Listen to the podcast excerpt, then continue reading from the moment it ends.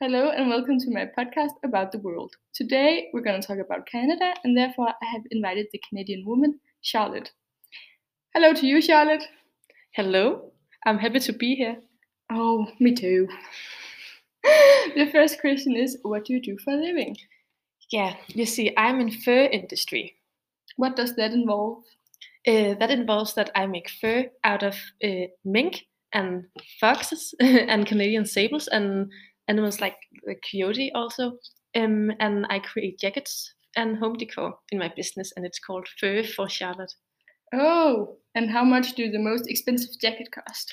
Uh, the most expensive one is three thousand nine hundred dollars, which is like two hundred and forty-two thousand Danish crowns. Oh, that's a lot. Yeah, it's very expensive. But since the mink situ- situation in Denmark escalated, uh, we have got very good business Well, that's nice for you. yes, we're the only one in the market. Oh, that's, Yes. that's good. for Mm. Canada. I heard that Canada had the largest railway in the 1850s. Have you ever tried it? Yes, I have. Uh, I have family on the other side of the country, and then I use the uh, railway railway to visit them uh, sometimes in the year. Oh, that must be a long trip. Yeah, that's a very long trip, but there's a lot of pretty nature and wildlife on the way I can look at. But Whi- yeah, Which it's a- nature can you see? Mm, there are like mountains, and I sometimes but beavers and rivers and lakes, and it's very beautiful.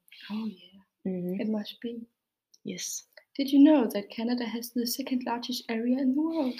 I actually didn't, but we are also a very multicultural country. For instance, my husband is French and I am English. So, which language do you speak at home? We speak English at most, um, but I think it's very important for our chil- children to learn French too, because that's a big part of our country. Or why do you speak English and not French? Um, at the moment, we live in an English society, uh, and I believe if we have lived in a more French society, we would have spoken more French. Um, but uh, like if if we are with our, my husband's family, um, we are speaking French um, with them, and that's not a problem for us. So I just think it's because of our environment where we are living So, right you now. are al- also fluent in French. Uh, yes. Oh, Um, yes, not as good as my husband because he lived, he grew up with it. But um, I can speak like, um, I can have a conversation in French.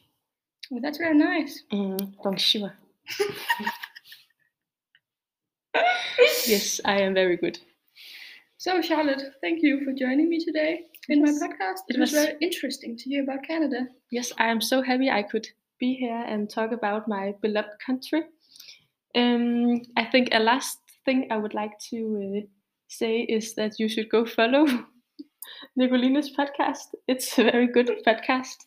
Mm, Oh, thank you. That's very nice of you. Yes. Next time, we will be speaking about Denmark and the mink situation. Oh, that's not a good situation. No, It's very good for my business, but not for the minks in Denmark. Very sad. very sad story. Yeah. Mm, and they're so cute. A little Yeah. aggressive, but very cute. Mm, That's okay. Yes. Thank you for you at home for listening, and I'll see you next time.